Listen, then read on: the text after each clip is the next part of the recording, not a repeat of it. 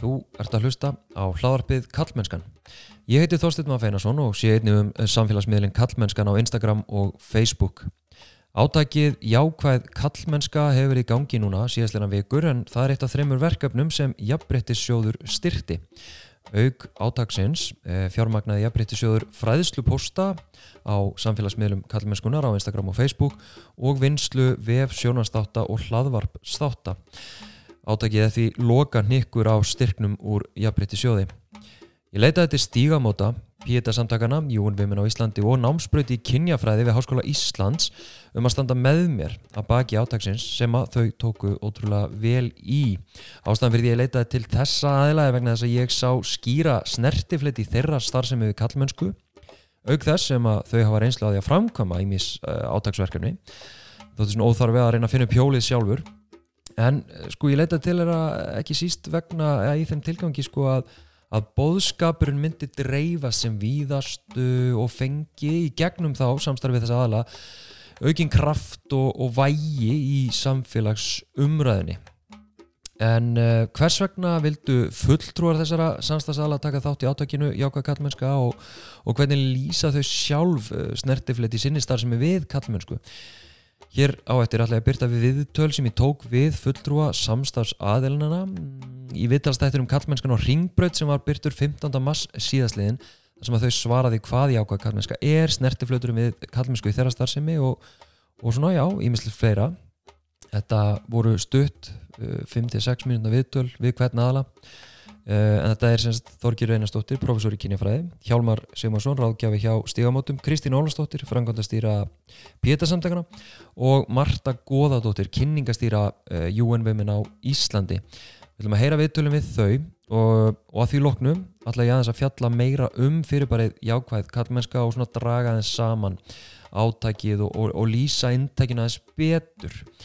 Þannig að þið sem hafi hort á þáttinn á ringbröð þið kannski spóli bara núna uh, cirka 26 minnur uh, eða fáið njótið þess að fá uppröðun af, af þessum þætti, þessum viðtölum. En þið hinn, gjör svo vel.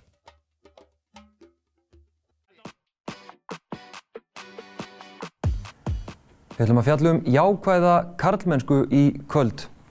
En nú er hafið átak eða vitundar vakning um fyrirbarið jákvæð karlmennska Að þessu átaki stend ég, eða miðlinn, samfélagsmiðlinn Karlmennskan, í samstarfi við Stígamót, UN Women á Íslandi, Píetasamtökin og Kynjafræðdeild Háskóla Íslands.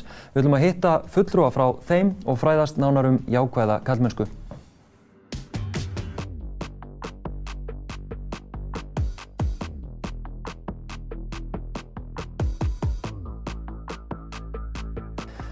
Hún er sestirna hjá mér Þorgjörður Einarstóttir, professor í kynjafræði við Háskóla Íslands. Velkomin Þorgjörður. Takk fyrir. Eh, við ætlum að ræða jákvæða kallmennsku í þessum þætti, þá kannski líka beinast við að, að spyrja fræðimanneskjuna bara hvað er jákvæð kallmennska? Jákvæð kallmennska, eftir því sem ég kemst næst, ásýr kannski eh, tvær eh, fræðilega stóðir. Annars vegar í því sem hefur verið kallað jákvæða sálfræðin sálfræðingar og ráðgjafar að skoða hugtækið og þar hefur það beinst að því að skoða viðhorf og skoðanir og hegðun kalla uh, hvernig megi stuðla því að, að þetta verði jákvægt mm. þannig að það stuðla að velíðan hjá þessum kallum mm. uh, sem í hlutega góður í heilsu og þannig að útkomna verði góð fyrir alla, mm. bæði þá sjálfa sannsagt og aðra. Mm. Er sagt að sjónóti sé svolítið á einstaklingi sjálfan. Svo er annað sjónamið sem er kannski sprottið upp úr því sem við við kallað gaggrinnin kallafræði sem er kannski svona feminískara, feminískari kenningaskóla ef við getum sagt það er feminískara sjónahorn og þá er hort meira á uh, valdatengsl kynjana í starra samhengi. Mm. Svona meira e, svona samfélagsleira sjónahorn eða aðeins víðara sjónahorn. Bæði auðvitað renna saman í eitt ströym og útilóka ekki hvort annað, myndi ég segja. Þannig að þetta myndi ég segja að vera svona kannski fræðilegar undirstóður í, í gróðundráttum.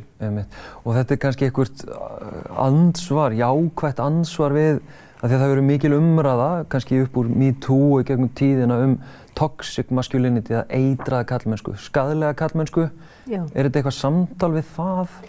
Já, við getum alveg sagt að þessi samtal við það. Það, það hugtak kom upp fyrir daldur löngu síðan. Já, Hér á Íslandi var talað um skadlega kallmennsku já, og kallafræðingarnir okkar, uh, meðal hans Ingólfur Ásker Jóhannsson, professor í, í, á mentavístasviði í háskólanum, já, uh, talaði um skadlega kallmennsku og hann útskýri það þannig að það var, það var aðalega tvent sem hann uh, horfið á og það var annars vegar ofbeldi, beint og óbent ofbeldi í hennum markvíslegustu byrtingarmyndum já, og þá er sér mjög marga byrtingamyndir og hitt uh, snýr svona að vinnumarkaði og það var annars vegar þá kynjaskipting með vinnumarkaðarins og, og fyrirvinnu hlutverk kalla. mm, Og tökum fyrirvinnu hlutverk kalla að hann vildi meina að þeir sem væri fastir í því, fastir í hugmyndum sem að styðja við það og íta undir það, uh, að það, þeir væri semst að stuðla að samfélagi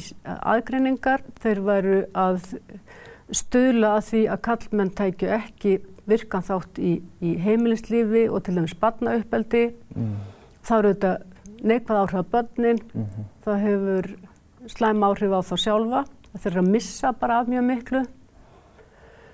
Uh, og það auðvitað ítir undir uh, þessa hefðbundnu sín á vinnumarkaðin, bæði semst að konur séu þar í aukarhlutverki og kynjaskiptingu starfa. já, Þannig að Ingólfur Ásker hann sagt eh, dró upp mynd af þessu tvennu.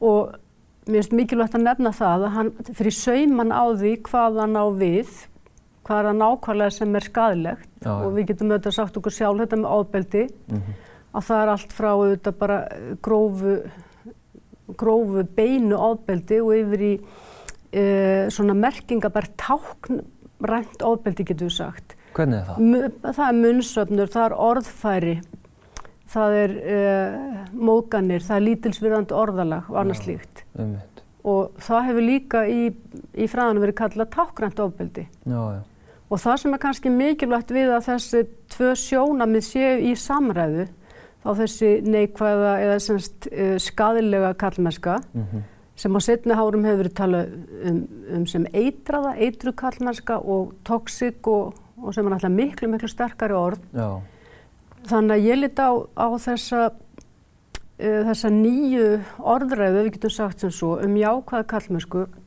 að hún er miklu líkleri til þess að, að fá kallmenn með já, í samræðina. Af því það eru þetta, þó að þú sért að gaggrina kerfi, út að gaggrina samfélagslegar hugmyndur og hugmyndakerfi sem að hver einstaklingur eru þetta ekki ábyrð á.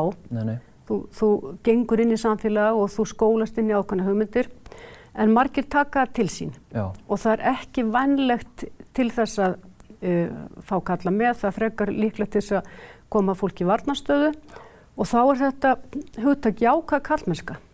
einmitt. Og bara rétt að lokum að jákvæð kallmennska, sko, þörfin fyrir hana eins og hann endurspeglast í, í kynjafræði náminu, hjá kynjafræði nemum og í kynjafræði deildinni. Mm.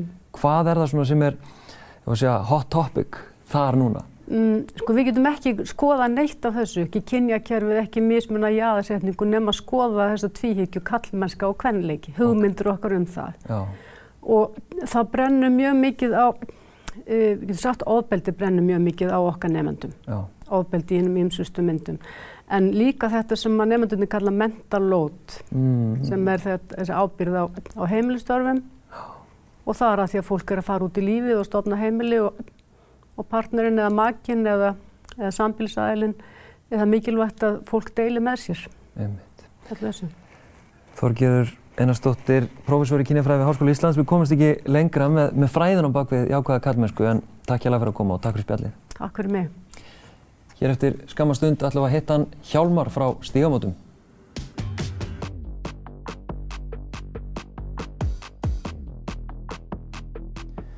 Við höldum áfram að tala um jákvæða kallmennsku. Eh, Hann er sestur hjá mér hérna Hjálmar Sigmarsson frá Stígamótum. Velkomin. Takk. Eh, segðu mér aðeins eh, hvernig Stígamót hefur snertiflöt við jákvæða kallmennsku? Já, sko við á, á stíðmótum erum alltaf að reyna að, reyna að nýta þá reynslu sem sapnast uh, og, og kemur saman í okkar vinnu með brótaþólum. Mm. Við erum alltaf að reyna að nota þá þekkingu, uh, þá, þá reynslu sem kemur inn þar inn og, og, og við höfum alltaf litið á það sem ábyrð okkar að síðan gera eitthvað með það. Ekki bara að taka þessar sögur inn, heldur hvað getum við gert með þessa þekkingu. Og þannig að við stór hluti á okkar starfi er um þetta samfélagsstarf að taka þátt í umræðinu uh, um kynfyrsóbildi almennt og sem þetta tengist á þetta jafnbreyðisumræðinu í víðari samiki líka. Já. Og hérna, og við höfum farið ymsa leiðir að því og við höfum verið kannski undarfarið að fara meira einmitt í kannski svona forvarnarfókusin, en það hefur endur alltaf verið þar. Og við erum svona markvist að reyna að skoða við, alltaf betur hvað við getum gert til þess að ná til fleira, að koma þessum uh, skilabóðum uh, sem að þá styðja brotaþóla beint og óbeint. Uh, hérna, að það sé þá fleiri sem taka þátt í því að taka brotaþóla alvarlega mm. og, og, og það er ekki bara eitthvað eitt, þetta er mjög markþægt og það, það þarf allt samfélagi til. Mm -hmm. Þannig að svona vitundavakningar eru mjög mikilvægar mm. og við erum búin að sjá mikla breytingar það er langt í land Já. og eitt af því sem að kannski hefur svolítið vantað er þó að við höfum alltaf verið að benda og við getum ekki tala um kynfyrsóbildi nefnum við tölum um gerundur. Við getum ekki tala um gerundur eins og við tölum um þá menningu sem, að, sem að þeir lifa í. Mm. Það er auðvitað menning okkar kalla. Mm. Og þá, þannig að við þurfum að tala um kynækjarfi, við þurfum að tala um kallmennskur. Við getum ekki tala um kynfyrsóbildi og, og spæði þá sem beita því og aflengar þess án þess að tala um kynjarhugmyndur og þálum eða karpensku. Þannig að fyrir okkur er mjög spennandi að ymitt að taka þátt í verkefni þar sem að, að við ymitt draugum fram hvað er mikilvægt e, þá að, að hvaða breytingar við viljum sjá og við erum að sjá og viljum sjá meira af og kannski erum við líka að reyna kannski að beina ljósi að það sem nú er nú þegar til en þarf kannski að fá meira rými Einmitt. og við viljum gefa einmitt uh, hérna tækifæra á því að þeir sem vilja þeir kallar og auðvitað þar konur sem vilja styðja við jákvæða kallmennsku sem að þá fylgur í sér stuðning og jákvæð skilubóð til allra brotaþóla. Og þannig að til þess að geta einmitt tekist á við naukunamenningu, á við kynfyrsóbildi og allt kynbundu óbildi og all, bara allt kynja misrétti, mm. þá þurfum við einmitt að skoða rætunar mm. og skoða einmitt uh, raun og veru hvaða skilabóð eru raunveru dominerandi Einmitt. og eru að koma vekk fyrir það að brótuþólar og bara einstaklega sem verða fyrir áföllum. Mm. Og þó við sjáum það til dæmis líka þá að þetta snýst svo líka þá á að okkar uh, brótuþólum beint að til dæmis þá kalkinsbrótan sem koma til okkar að þeir fái þá þau jákvæðu skilabóð eða uppbyggilu skilabóð til þess einmitt að leita sér hjálpar mm -hmm. í hvaða mynd sem það er. Einmitt, ég veitir tala um að, að kallkynns brótaþólar upplifir svona tvöfalda skömm í rauninni fyrir það að vera þólendur. Já. Bæði vegna þess bara að vera þólendur og líka vegna kallmennsku hugmynda að kallar verði nú ekki fyrir ofbeldi. Já, það er, sko við sjáum það í ýmsum myndum Já. hjá okkur að, að það er allavega ýmsa ránkauðmyndir sem gera það verkum að að, að karlkynsbrótaþólar emi telja sig ekki eiga rétt á að leita sér hjálpar og, og eitt af því er um eitt að þeir hefðu átt að geta komið vekk fyrir þetta eða, mm. eða þetta hefðu bara ekki geta, koma, geta komið fyrir þá mm. eða það sem gerðist var ekki, var ekki alvarlegt eða ekki nóg alvarlegt. Já, já. Og þannig að það er eitt bara um, um óbyldið sjálft mm -hmm. og svo um afleggingarnar. Að það, ok, ef, það eru, ef þú varst fyrir ykkur, þú veist, hætti þessu væli.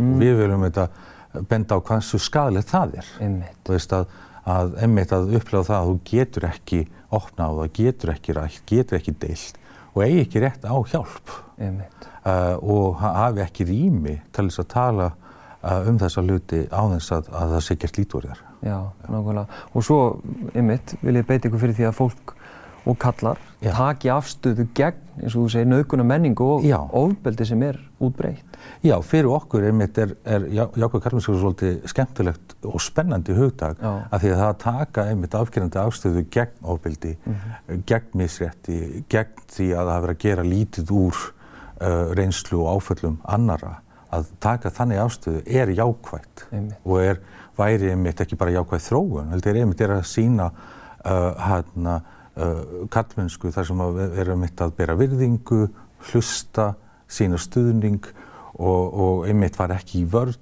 og reyna að skilja það sem að skilur ekki mm. og, hérna, og við hefum all tækifæri til þess að, að það er allir, allir þekki ykkur sem árið fyrir áföllum og allt og margir en sem gerir sér grein fyrir hafa þekki ykkur sem hafa orðið fyrir kemsóbildi. Hjálmar Sigmarsson, ráðgjafi hjá Stígamótum, takk fyrir að vera með í þessa átæki og takk, takk fyrir spjall.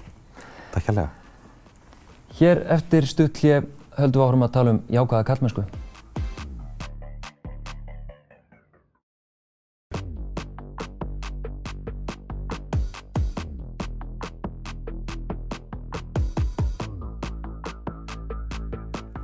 Velkomin aftur, við höldum áfram að tala um jákvæða kallmennsku. Kristín Ólafsdóttir, frangamda stjóri Píetasamtakana sest hjá mér, velkomin. Takk. Eh, segðu mér, árunum förum aðeins að tala um jákvæða kallmennsku og snertiflöt eh, já, hennar við Píeta. Viltu segja mér aðeins frá starfsemi Píetasamtakana? Við sinnum forvartastarfi og við erum líka veitum meðferð og stuðning til fólk sem er með sjálfsvíshugsanir eða stundar sjálfskaða og aðstandinu þeirra. Einmitt. Og þið eruð að, að þjónusta mikið af fólki, sé ég á samfélagsmiðlum? Já, alltaf meira og meira Já. og vissulega er leitt hvað mörgum verðist líða illa. Já. En uh, það er sagt að yfir 95% hugsa ykkur tíman á lífsleginni að þeir vil ekki lifa lengur. Okay. Þannig að þetta verðist vera mannleg tilfinning sem að fylgjur okkur öllum Já. og hún getur náttúrulega verið ágerst og, og orðið af vandamáli og það er mjög ömulegt að börjast einn með Já. þessa hugsun Já. og líka með sálurna sásöka. Þannig að við svona metum þetta og reynum að halda hendina fólki og, og sumur þurfa stuðning, aðri þurfa klíniska meðferð, sumur þurfa einhvers konar eða annars konar hjálp Já. og við reynum okkar besta til að koma fólki í réttar hendur og þeirra málum í rétt ferli. Einmitt en þá að snertifleitunum við jákvæða kallmennsku. Þið uh -huh. hérna takið þátt í þessu átaki vekja aðtikli á fyrirbærinu jákvæða kallmennska uh -huh. og lýsir hans fyrir mér já, hvernig endur speglast þörfin fyrir jákvæða kallmennsku hjá ykkur, í ykkar starfi? Mér náttúrulega sjáum líka, ég meina um helmingur sem betur fyrir eru, eða það er náttúrulega þrjú kinn eða fleiri kinn. Uh, þetta er svona nokkur skona hjá okkur, er þetta orðið Já, svona 49% sem skilgreina sig kvennkins, nei karlkins Já. Og þá rúmlega 50% sem skilgreina sig uh, sem kvenkin, þannig að kynja hlutvillin eru nokkuð jöfn og það sem er svo merkilegt við okkur mannfólki er saman svo hvaða kyn við erum, Já. við glýmum þessum tilfinningar jú, jú.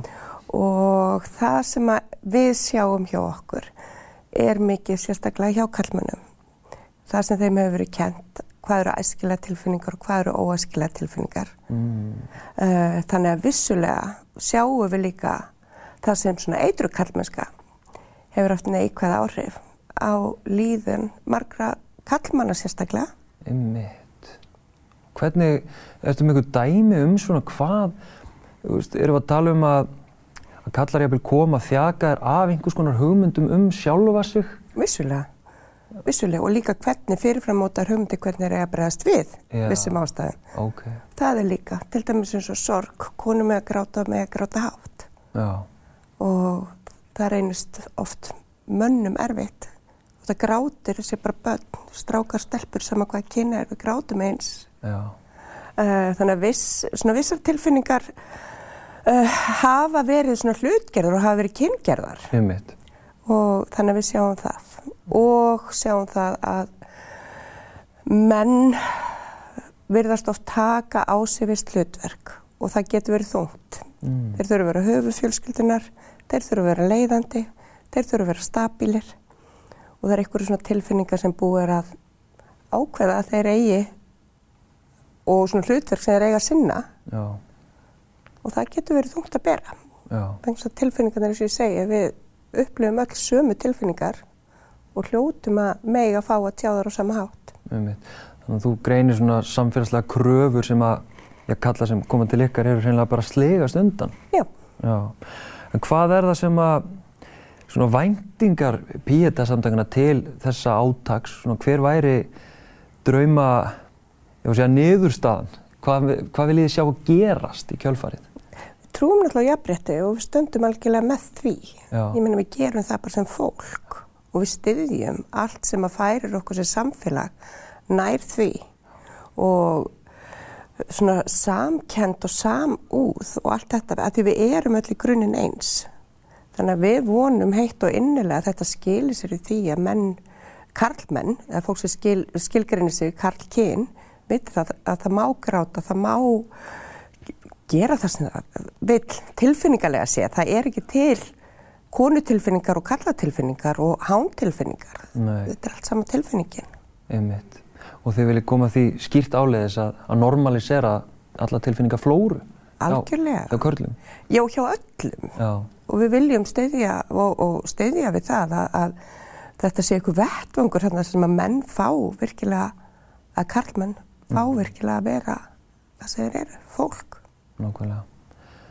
Kristín Ólafsdóttir, frangönda stjóri Píðarsamtöngana, takk hjá það fyrir spjallið og takk fyrir að vera með í, í þessu átæki um jákvæða kallmennsku. Takk fyrir að bjóða okkur.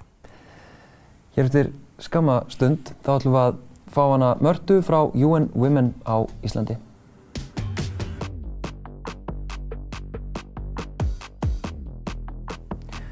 Við höldum áfram að tala um jákvæða karlmennsku. Marta Góðadóttir, eh, kynningastýra UN Women á Íslandi, er sestirna hjá mér. Velkomin Marta.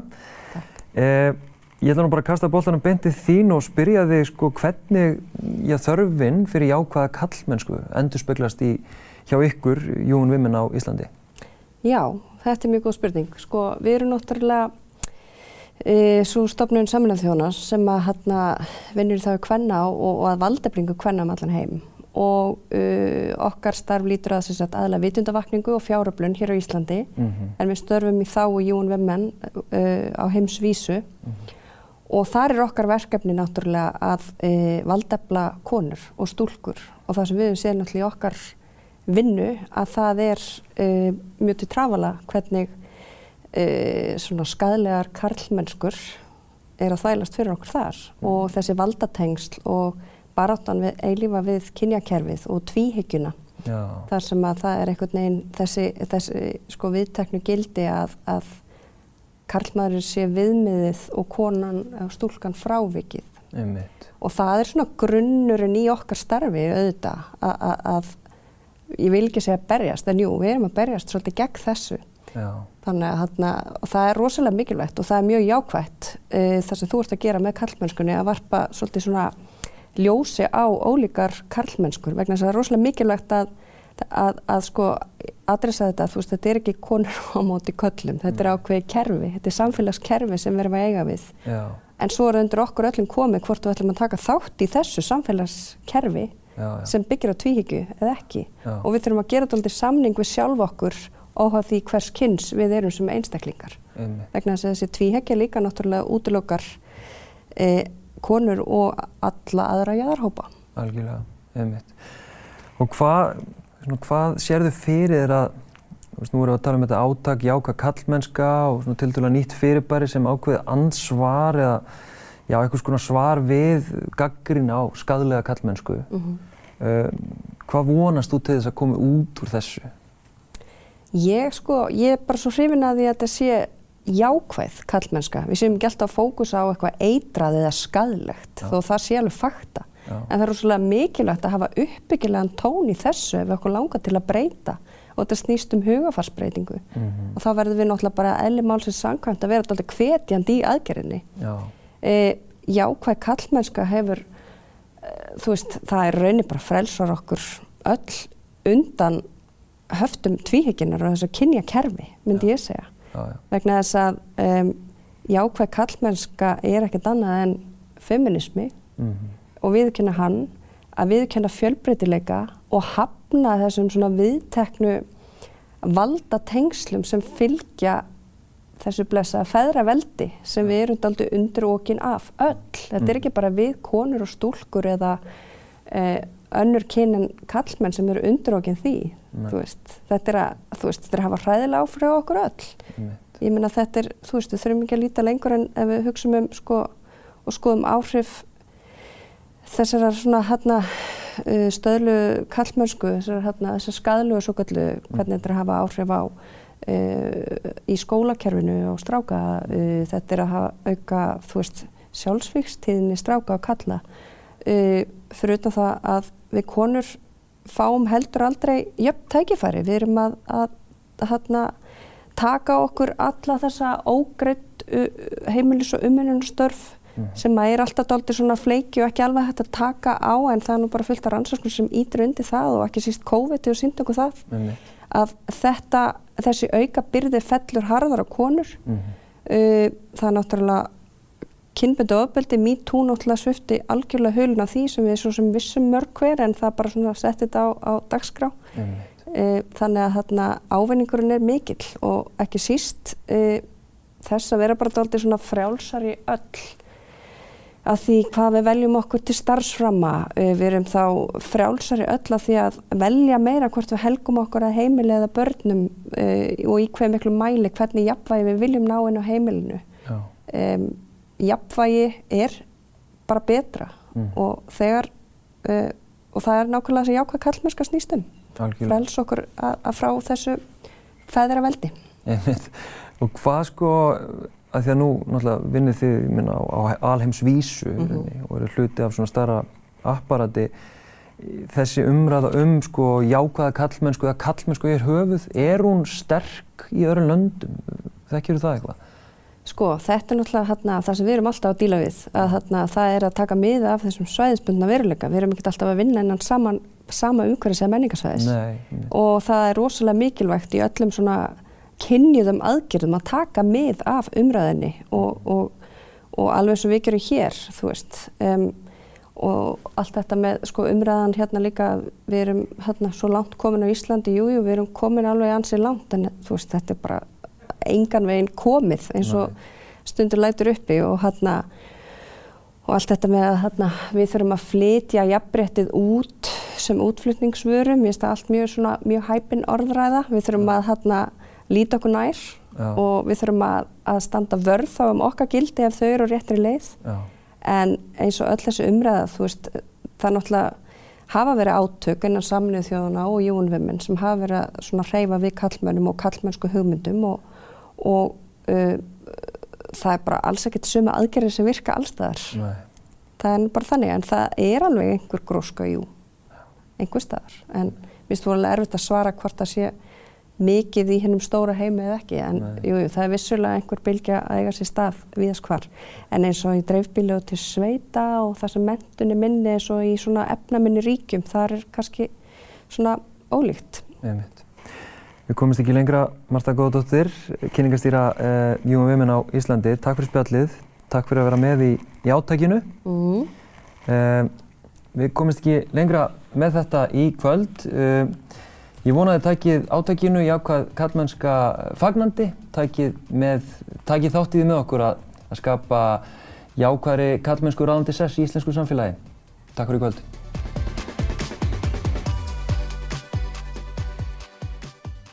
Til að draga þetta stutt saman og, og lýsa innihaldi átaksins, þar sem að þið eru í raun formulega ljúka í dag, 27. mars, að þá byggðist þetta átak í grunninn á uh, þessari skilgreiningu sem að Þorgjörn Einarstóttir lísti þar að segja á tveimur fræðlugum stóðum annars vegar jákvæðri sálfræð og hins vegar kritiskum kallafræðum eða, eða bara kynjafræðlugum stóðum jákvæð kallmennska felur þannig í sér ábyrg við þorf, lífskildi og hegður meðal drengja og kalla sem hefur jákvæðar afleðinga fyrir þá sjálfa og umhverfið sem að þeir eru hluti af. Eða með öðrum orðum vinnur jákvæða kallmennska gegn neikvæðum áhrifum samfélagslega ráðandi staðalímynda um kalla og drengi. Kynjafræðilegvingilin er síðan sá að, að jákvæða kallmennska stendur utan við stigveldi millir kalla uh, og ólíkra kallmennsku hugmynda. Um, Reivin Connell er, er svona þekktast í kenningasmiðurinn en hún sko talar þar um ráðandi kallmennsku sem sé svo kallmennska sem að tekur yfir rýmið og nýtur menningalega yfirburða. Ráðandi kallmennska byggir þannig alltaf á, sko alltaf, þetta fyrirbæri, bara ráðandi kallmennska, byggir alltaf á yfirskipun uh, kvenleika og ég er undir skipun annara kallmennska um, þessi ráðandi kallmennska er samt alls ekki sko svo sem að svo tegund kallmennsku sem er algengust eða, eða flestir einhvern veginn uh, hvað ég segja, bera hana, það, það er nefnilega alls ekki þannig. Uh, það nefnilega er eiginlega bara nánast í enginn sem að næri einhvern veginn að sko uppfylla uh, þessa, þessa hérna, ráðandi kallmennsku heldur er nú meira svona ímyndalega eða táknræn einhvern veginn sem að hérna, nánast í enginn næra að fylla út í. Sko, en hins vegar eru margi sem að ná að fylla upp í það sem að kemur svona næst og eftir ráðandi kallmennskunum sem er eh, kallast samsektar kallmennska en þeir sem hafna ekki, þeir kallar oftast, sem hafna ekki ráðandi ímyndinni geta notið góðs af yfirburðastöðu ráðandi kallmennskunar og því má segja að völdin svona leki yfir alla kallar sem hafna ekki ráðandi kallmennsku oftast eru þetta hvítir, gagginir, sís, uh, ófallar uh, kallar sem að, sem að geta þetta. Uh, og þá kallmennska sem að skrapar botnin í í, hérna, í þessari kenningu eða stigvelda kenningu Connell er jáðar kallmennska en hún veitir ekki félagslega eða menningarlega yfirbyrði og þeir kallar sem að bera þá tegundur oft jáðasettir til dæmis fallaði kallar homar uh, en auðvitað er þetta ekkert svona einfalt þannig að þú veist ef þú ert hérna einhvern veginn að þá ertu jáðasettur þetta er ekki svona einfalt en þetta er svona stóra myndin til þess að við skiljum pínu uh, samspil milli ólíkra kallmennsku tegunda og það er alls konar ták sem að breytast alls konar ímyndi sem breytast uh, svona í gegnum, já, milli menninga sambíla, þú veist, kallmennskan er stöðut að breytast og svo framins.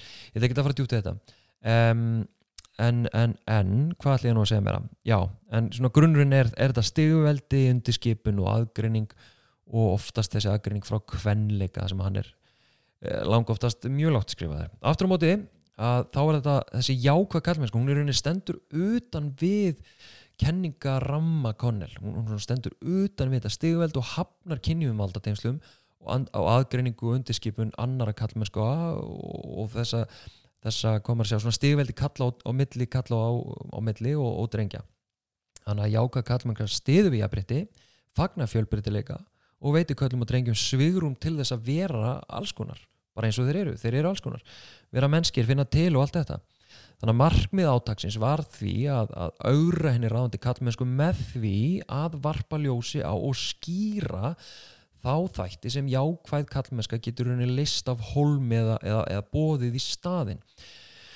Og hérna, þetta er svo sem ekkert einfalt verk, veist, af því að þetta er svo háð menning og stáð stund og svona, þannig að við í rauninni völdum tvo svona sérstakka áherslu punta til þess að, uh, já, skýra jákvæð kallmennsku annars vegar uh, tilfinningar já, augljósum ástæðum uh, og síðan afstöðu gegn ofbeld og misrétti. Þannig að allir póstatnir sem að byrtust undir í ákværi kallmennsku voru í þessum tveimur flokkum.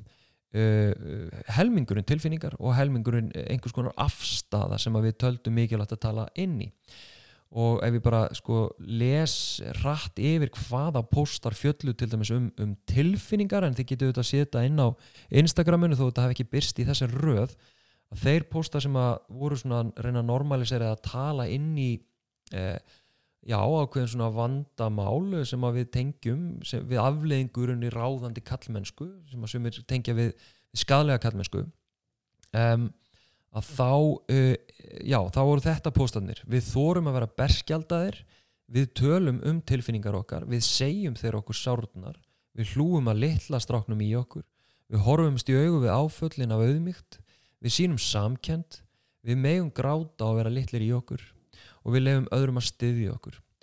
Um, og sko uppsetningin, kannski er það augljóst, ég veit ekki, en við reyndum alltaf að hafa uppsetninguna þannig að að náttúrulega eins og er augljóst að nota við bara ég menna svona bara gerum við það því það eru margir kallar sem að bera jákvæða kall með sko þannig að ákvæðum að tala svona við svona, svona gerum við við hérna við þórum að vera bestgjaldæðir við hérna sem berum jákvæða kall með sko við gerum svona. Um, þannig að semst, og svo kemur náttúrulega alltaf einhver skýringateksti caption og fyrsta svona málskreinin í því var alltaf eh, einhver tilhörn til þess að skilgrina nánar hvað þessi setning bæri með sér, hvað þýðir við þórum að vera bestgjaldæðir þannig að þar hérna fyrsta málskreinin fjalla alltaf um að skýra það. Uh, málskreinin á eftir um, uh, voru svona að reyna adressa ákveðin vandamál, einhvern kjarna í issue sem að við við teljum okkur sjá eða ég sé úr, úr bara fræðunum eða, eða bara hreinlega, já, svona sem að mig langaði til þess að tala inn í einhvern svona vandamál, svona, svona lýsa það, bara til hvers eru að tala um að, að við hérna þórum að vera berskjaldar, reynda að lýsa því aðeins. Og hérna og svo lókum við svona að gefa svona ákveðin leiðaljós, þú veist, já, hvað kallmennska er svona, eitthvað svona pínu svona pepp, þannig að það átt að reyna að vera alltaf svona uppbyggjandi og, og vaselus í myrkrinu fyrir þá sem að eru óryggi með sína kattmennsku eða, eða vilja bæta sig eða vilja einhvern veginn svona stefni einhvert? Um, síðan voru það þeir póstar sem að báru með sér einhverja afstöðu uh, afstöðu gegn ofbeldi eða misrétti og það uh, voru póstarnir og ég ætla að lesa þá rætt yfir. Við tökum fæðingaróluð okkar við tökum jafna ábyrð á heimilislífi. Þetta var svona tilum til þess að adressa hérna mentalót.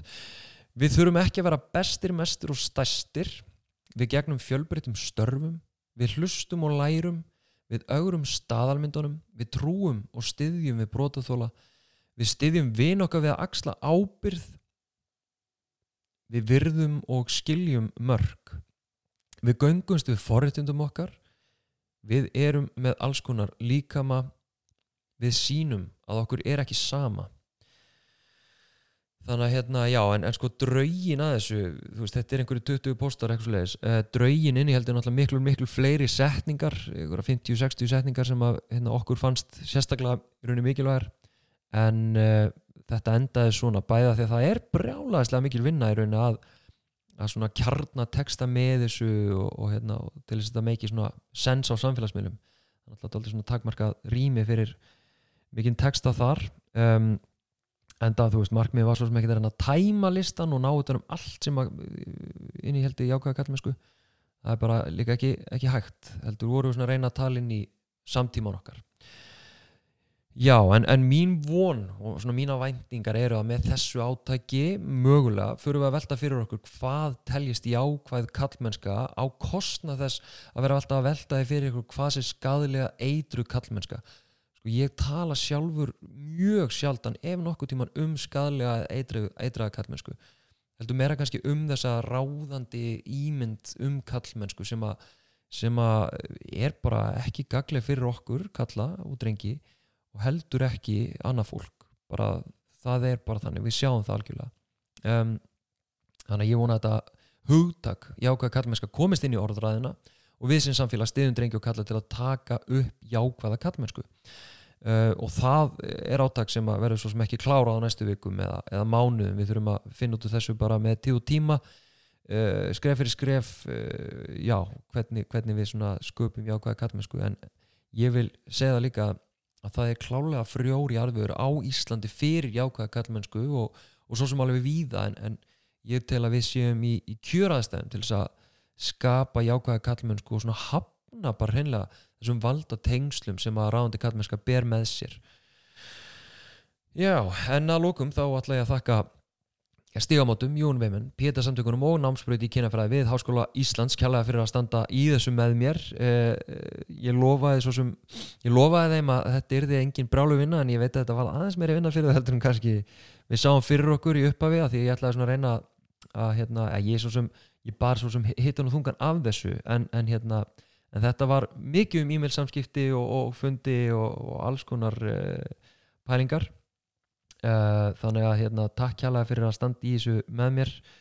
Uh, ég get ekki heldur þakka sko Bergþóru Jónsdóttur grafíker næla fyrir, fyrir sína vinnu sem hún gerði ofta á, á ljósraða og stöðut online að því að ég er náttúrulega engin grafíker. Ég er sem sagt fæ template frá henni og alla hönnun og svo er ég að reyna að retta þessu sjálfur í Canva að vinna með hennar template.